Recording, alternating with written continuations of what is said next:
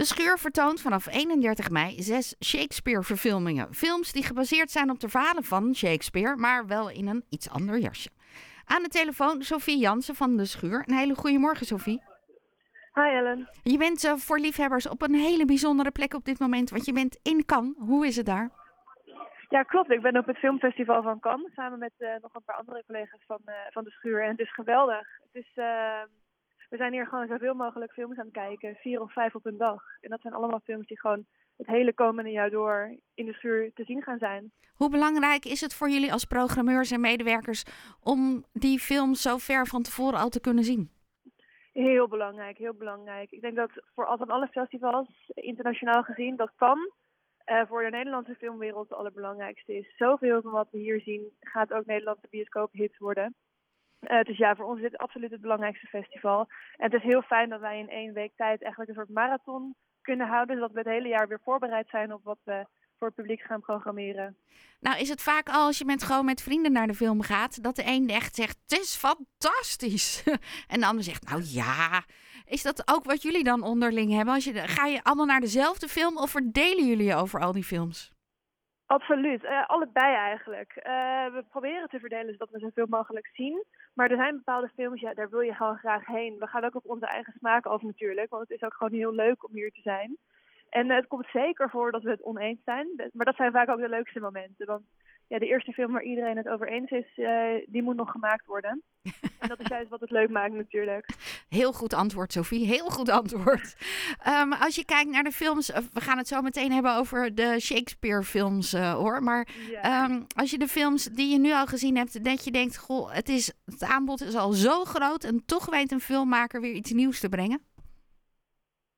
Uh, ja, een film die getipt wordt voor de Gouden Palm, waar al mijn collega's echt laaiend enthousiast over zijn, is The Zone of Interest van Jonathan Glazer.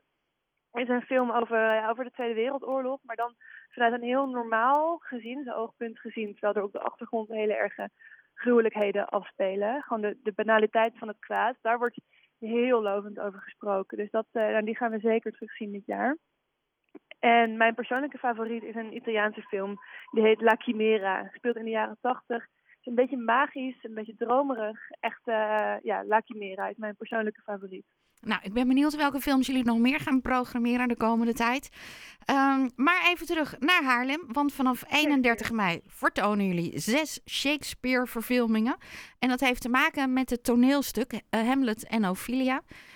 Is het aanbod groot van films die gebaseerd zijn op Shakespeare-verhalen? Oneindig.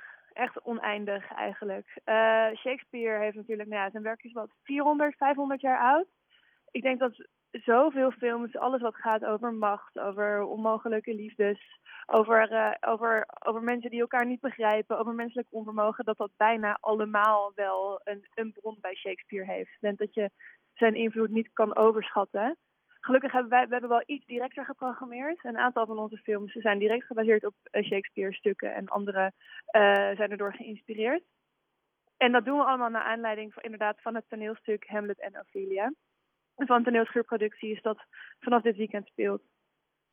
Kan je hem, we hoeven ze niet alle zes te behandelen, maar ik zag bijvoorbeeld um, die um, Romeo en Juliet zit ertussen met uh, Leonardo DiCaprio. Ja. En ik weet nog toen die film uitkwam, zo oud ben ik, um, dat het eigenlijk weer een soort nieuwe liefde opwekte voor de verhalen van Shakespeare. Want het, het was de tekst van Shakespeare, maar wel in een modern jasje. En die flow die dan in die tekst zit, daar werd iedereen weer door gegrepen.